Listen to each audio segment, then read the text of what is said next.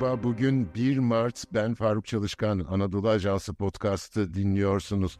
Baharın ilk gününde en büyük nüfusu ağırlayan Marmara Denizi'nden bahsedeceğiz. Son araştırma Anadolu Ajansı'nda haber olmuştu. Deniz anaları yaygınlaşıyor, bu da balıkçılığı etkiliyor. Ama asıl mesele küresel ısınma ve kirliliğin çok boyutlu etkileri. İstanbul Üniversitesi'nden doçent doktor Ahsen Yüksek'i bugün yine Yeşil Hat editörü Hale Aydoğmuş'la ağırlıyoruz. Hocam katıldığınız için çok teşekkür ediyoruz. Malum Marmara'yı konuşacağız. Özel yapısı olan bir iç deniz Marmara, sorunları da var. Ekosistemi muhafazaya büyük katkı sunan ayrı bir önemi de. E, bu bahara Marmara Denizi nasıl giriyor? Son durumu kirlilik açısından anlatır mısınız? Merhabalar. Öncelikle teşekkür etmek istiyorum. Böyle bir programa davet ettiğiniz için, çevre için her şeye hazırız. Ee, Marmara çok uzun zamandır can çekişiyor aslında. Böyle dışarıdan baktığımızda son derece güzel, güzel güzel akıyor. Yunusları bazen nadir de olsa görüyoruz ama çok uzun zamandır can çekişiyor. İlk işte 95'li yıllarda başlamış can çekiştiği o zaman yapılan araştırmalarla ortaya konulmuş Marmara'nın alt suyunda işlerin iyi gitmediğiyle ilgili gün geçtikçe hızla katlanarak artarak gitti ve şu anda Marmara gerçekten zor durumda ki başta sizin de söylediğiniz gibi Marmara gerçekten çok özel bir deniz. Dünya üzerindeki ender boğazlardan biri sayılı birkaç boğazdan biri ve ekosistem açısından son derece önemli. Karadeniz'in biyoçeşitliliği, Akdeniz'in verimliliği e, bu türe bağ, e, bu denize bağlı, Marmara Denizi'ne bağlı. Zaten aslında Marmara Denizi demek ne kadar doğru bilmiyorum. Bir boğaz sistemi bu. Birbirinden çok farklı iki sistemi bağlayan, bundan dolayı da hem ekonomik açıdan hem de soyu tehdit altında olan pek çok türün ve göç yolu üzerinden veya beslenme için işte üreme için gerekli göçü yapabilmeleri için e, bir biyolojik koridor, çeşitliliğinin devamlılığı için bir biyolojik koridor. Bu kadar önemli bir iç denizimizi tamamen yönetime, yönetimi bize ait bu iç denizimizi ne yazık ki uzun zamandır yönetemiyoruz. Özellikle 80'li yıllardan sonra yanlış politikalarla bu bölgeyi yormaya başlamışız. Azot fosfat dengesi o zaman bozulmuş. Yanlış balıkçılık uygulamaları yapmışız ve bugün şu anda gerçekten can çekişen, e, her an her şeyi beklediğimiz bir e, iç denizimiz var. Hocam e, bizim çevre podcastlarında söz dönüp dolaşıp iklim krizine geliyor e, kirliliğin detaylarına ineceğim ama e, biraz e, iklim geçişi yapalım mı? İklim ve kirlilik ilişkisi e, nedir? Birbirlerini e, ivmeliyor mu bu aktörler? Kesinlikle çok doğru. Ee, dikkat ederseniz iklim krizinin en e, sert şekilde yaşandığı yerler e, insan baskısının yoğun olduğu yerler, hava kirliliğinin yoğun olduğu bölgeler, yerleşimin ve kirliliğin yoğun olduğu bölgeler, denizlerde de sıcaklık artışını tetikleyen unsurlardan biri, evet biri atmosferden e, atmosferin etkisi, diğeri de e, denizlerdeki katı maddelerin, biriken katı madde, deniz suyundaki askıda katı maddelerin e, sıcaklığı tutması birincisi işte karbon emilimi ikincisi de bu askıda katı maddeler. Ee, insan yoğunluğunun çok olduğu bölgelerde özellikle e, sıcaklık etkisi daha da artar. Denizlerdeki sıcaklık dağılımına baktığınızda daha çok körfezlerde büyük şehirlerin yerleşimlerin olduğu körfezlerde daha yoğun, daha sıcak bir dağılım görürsünüz.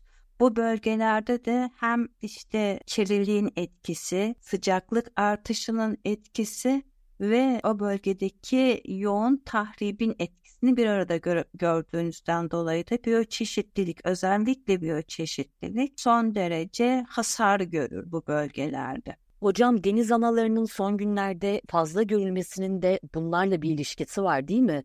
E bir de korkulu rüyamız müsilaj tekrarlanır mı diye bir e, korku da yaşıyor özellikle e, bu bölge sakinleri. Tabii ki bütün e, ülke ve dünyada bence endişelenmeli her türlü kirlilikten ama hem deniz analarını hem de müsilajı da biraz e, konuşabilir miyiz? Ne dersiniz? Nasıl etkiler? Ta- Tabii ki. Biraz önce iklimsel değişimin ve insanın e, etkisinin e, bu etkileri daha da kötü hissetmemize sebep olduğunu söylemiştik.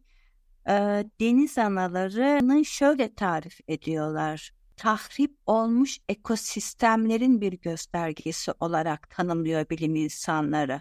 Son yapılan çalışmalarda bakıldığında e, özellikle e, tahrip olmuş. Bu tahrip neden? Bir iklimselliğe bağlı sıcaklık artışı veya biraz önce de söylediğim gibi bu kirlilikten kaynaklı da bir sıcaklık artışı olabilir. İkincisi avcılık baskısı ki e, özellikle son zamanlarda bunun üstünde de çok e, duruluyor. Balıkçılıktan dolayı kaynaklanan bir baskı bu pelajik sistem dediğimiz su kütlesindeki canlıların birbiriyle olan dengesini bozuyor.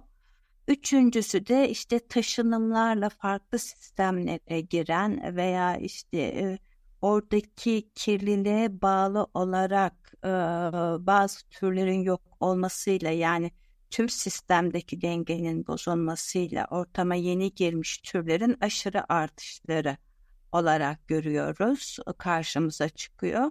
Marmara'da e, şimdi geçen gün şeyden de geldi. Antalya'da bizim toplantımız var. Şu anda ben de o toplantılara katılıyorum. O, o bölgede de rizostoma dediğimiz e, bir deniz anası türü. O, orada da çok fazla artmış, e, artış göstermiş. Bunların hepsi sistemdeki dengesizliği e, gösteriyor bize. Bazı yerlerde yazılar okuyorum. İşte deniz anaları arttı bunları yok edelim, bunları toplayalım falan gibi çok yanlış bilgiler var. Bunlar son derece sakıncalı. Herkesin bu konuda konuşmaması lazım. Çünkü bir sebepten dolayı bunlar artıyor. Bu sebebin ne olduğunu anlamamız lazım. Marmara Denizi ve Karadeniz e, besin elementinin çok olduğu yani planktonik aktivitenin deniz suyunda göremediğimiz canlıların çok olduğu bunlar hani bazen yeşilimsi görürüz bazen çok mavi görürüz bazen kırmızımsı veya beyaz turkuaz renk görebiliriz. Bunlar bazı canlı gruplarının neden olduğu renk değişimleridir. Bu canlılar e, göremediğimiz bu canlılar e, balıkların da özellikle besin kaynağıdır. Çok önemli bir enerjisi yüksek bir besin kaynağıdır.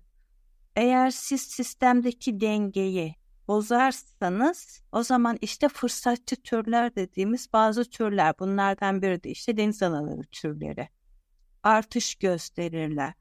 Bunu nasıl bozuyoruz? Ya ortama çok fazla azot fosfat veriyoruz. İşte 1995'li yıllarda Süleyman hocamızla Çolpan hocamızın hazırladığı bir yayında Marmara'da 1995 yılında artık azot fosfat bakımından limitleri zorladığını söylemiş ve ilk işte İzmit Körfezi'nde olsun şeyde olsun Marmara'nın derin bölgelerinde bu krizi baş göstermeye başlamış. Daha sonra işte balıkçılık, yanlış balıkçılık e, politikaları, aşırı avcılık. Önce büyük balıkları yok etmişiz 80'li yıllarda. Orkinoz avcılığını çok Japonlara yaptırarak o orkinozu zaten devre dışı bırakmışız. Ee, işte uskumru gibi türleri kaybetmişiz. 1950'li yıllarda Uskumru Marmara'da baskın Türken onu kaybetmişiz. Ee, yani büyük türleri kaybedip aşırı avcılıktan dolayı sistemi küçük türlere bırakmışız. Bu da iyi bir şey. Keşke sadece ona bıraksaymışız. Bu hiç değilse planktonla deniz suyun arasındaki dengeyi sağlıyordu. Ama son zamanlarda artık büyük balık kalmayınca ne yazık ki çok büyük miktarda küçük balığı avlıyorlar. Daha da kötüsü artık yenmeyecek boydaki balığı bile tonlarca avlayarak bu sefer e, balık unu fabrikalarına gönderiyorlar. Yetiştiricilikte kullanılan bir şey. İşte e, müsilaj da iki zamanda da 1994'te Minemopsis Lady diye bir taraklı medüz artışı da olmuştu. E, Karadeniz'in Karadeniz'deki balıkçılığın çöküşü ve 2007'de bizde yine aynı şekilde olmuş ve 2018-2021 arasında çünkü 2018'i özellikle vurgulamak istiyorum. Aslında kimsenin görmediği sadece balıkçıların gördüğü 2018'de e, deniz anası artışları başlamıştı Marmara'da. 2020'de de işte o yoğun beyazımsı e, her tarafı kaplayan yapıyı gördük, salya yapısını gördük. Bunların işte e, siz küçük balığı ortadan da çekince bir de e, bu aşırı avcılıkta bir anda sistemdeki çok büyük miktarda balığı çekiyorsunuz ve ortamda yoğun plankton kalıyor. Bunun üstünden beslenen canlı grubu kalmıyor ve Buna e, yerine balık yerine bu sefer deniz anaları, deniz anaları da çünkü plankton üzerinden besleniyor. E, deniz anaları artışı başlıyor. Yani şu anda biz bakıp da denizde çok fazla miktarda deniz anası görüyorsak bunun tek sebebi e, sistemde yoğun e, besin var, plankton var ama bunu yiyecek balık yok demektir bu. Ve e, bu canlı grupları da işte uygun sıcaklık koşullarında, uygun hava koşullarında ve bol besinle aşırı çoğalarak sistemdeki dengeyi tamamen yok ediyorlar ve belli bir sınıra geldiklerinde kitlesel ölümler sonucunda da işte biz müsilaj dediğimiz, salya dediğimiz balıkçıların deniz salyası dediği işte les diyorlar bazen daha e, parçalanmış haline bu yapıyı görüyoruz. Bu da çok büyük bir ekonomik kayıp oluyor. Çünkü bu deniz salyası veya müsilaj dediğimiz yapıların içinde her türlü organizma var. Enerjisi çok yüksek e, bir yapı oluşturuyor. Bir de ağımsı bir yapı oluşturuyor. Denizde ne var ne yok pelejik sistemde su kütlesindeki her şey bünyesine aldığı için bakteriyel faaliyetlerin de çok fazla olduğu bir yapı olmuş oluyor. Ve bundan dolayı da hem patojenik canlıların artması yani insan sağlığına etki yapacak unsurların artmasının yanı sıra işte bu son müsilaj döneminde gördüğümüz balıkçılık faaliyeti, balıkçılık faaliyetleri ağlardan dolayı durdu. Daha da önemli Marmara Denizi çok önemli bir su yoludur. Balık e, e, deniz ticareti bakımından son derece önemli bir su yoludur deniz ticareti durma noktasına geldi. Bu çok büyük bir kayıptı. Yani çünkü filtreleri tıkanıyordu. Yine e, Marmara Denizi ne yazık ki sanayinin çok yoğun olduğu bir bölge. Fabrikaların işte soğutma sularında falan tıkanıklık oldu. Bunların hepsi büyük ekonomik kayıplardı. Ve e, biz ne yazık ki e, yine önlem almayarak çünkü işte belirlenen bu e, Marmara Denizi e, özel çevre koruma alanı olarak belirlendi ve neler yapmamız gerektiği maddeler halinde basının da bildiği gibi 21 madde belirlendi. Bunların yanında havza yönetimi yani Marmara bölgesine e, gelen bütün yayılı kaynakların kontrolü, e, noktasal kirlilikler, e, işte şehirlerden gelen kanalizasyonlar ve onların e, altyapısının nasıl genişletildiği bunların hepsi belirlendi araştırmalarla zaten yapılmış bir takım araştırmalarımız vardı. Bunların yanında yeni araştırmalar da yapılarak eksikler ve yatırımların nasıl yapılması gerektiği konusunda da yapıldı ama çok büyük bütçeler gerektiriyor. Yani Bunun hocam, bu... hocam Şimdi evet. kirlilik kaynaklarından bahsetmek gerekiyor o zaman. Ve siz kanalizasyon dediniz. E, yani şimdi kanalizasyon deyince oradaki büyük şehirler akla geliyor ve bunların arıtması yok mu? ya da yetersiz mi ya da arıtmanın dışında e, bazı e, kirlilik denize ulaşıyor mu? Arıtma yeterli arıtma yok. Ee, yani bunu açık seçik söyleyebiliriz. Yeterli arıtma kesinlikle yok. Ee, ya bunu bu tam benim konum değil. Bunu çevre bilimciler çok daha iyi bilir. Çevre mühendisleri çok daha iyi biliyor. Yüzde yetmişi arıtılmadan veriliyor bu deşarjların. Şimdi derin su deşarjı diye bir sistem geliştirildi. Marmara'nın alt suyuna direkt veriliyor. E, bazı yerlerdeki bunlardan biri de Boğaz işte Boğaz'ın alt suyuna veriliyor bu Karadeniz'e gidiyor deniyor. Ama biz bunu araştırmalarla ispatladık ki ekstrem koşulların olduğu hava durumlarında o kanalizasyon olduğu gibi tonlarca su direkt Marmara'ya geliyor. Yine işte körfez içlerinde, körfez içlerinde akıntının düşük olduğu bölgelerde 50 metrenin altına siz direkt deşarj veriyorsunuz. Bunlar son derece sakıncalı durumlar. Ön arıtma dedikleri katı maddeyi duruyor, tutuyorlar. Direkt o yoğun azotu, fosfatı denize veriyorlar arıtma sistemi olan kısımlarda bile, bölgelerde bile e, sonuçta bunlar belirli bir mühendislik e, yapısı gerektiren şeyler. Birincisi İstanbul gibi, İzmit gibi bölgelerde şehir e, büyük popülasyonların olduğu yerler, nüfusun yoğun olduğu bölgelerde bir defa e, ileri derecede biyolojik arıtma alanlarının bile çok sınırlı olduğu söyleniyor. İkincisi çok büyük miktarda ekonomik maliyet gerektiriyor bunlarda. Çok büyük maliyetler gerektiriyor. Bunların altyapısının yapılması gerektiği söyleniyor. Üçüncüsü İzmit Körfezi'nde de biz bunu defalarca dile getirdik. Şehirleşmenin nüfusun çok yoğun olduğu bölgelerde drenaj çok fazladır. Çünkü yeşil alanı siz yok ediyorsunuz. Yağmur suyuyla olsun, işte kanalizasyondan olsun yoğun miktarda silt madde denize giriyor. Bu işte İzmit Körfezi'nde de olduğu gibi şu anda onun büyük çevre projesi yapılıyor tarama malzemesiyle oradaki birikmiş çamuru yok etmeye çalışıyorlar. Yüksek miktarda organik madde içeren çamuru. Aynı e, Haliç'te de gördük bunu biliyorsunuz. E, Haliç'te de 5 milyon metreküp çamuru tarayarak akıntıyı e, sağladılar. Akıntı sağlanınca e, oradaki canlılık da yavaş yavaş kendine gelmeye başladı ama bunlar çok büyük maliyetler, e, milyar dolarlık maliyetler. Eğer işte siz bu siltasyonun önüne geçi, geçmek için yeşil alanı korumanız gerekiyor. Yağmur suyunun veya yağmurla birlikte taşınan silt malzemesinin durması gerekiyor. Yani aslında hocam e, karasal alanda, karada, yüzeyde ne kadar kir varsa denize akıyor.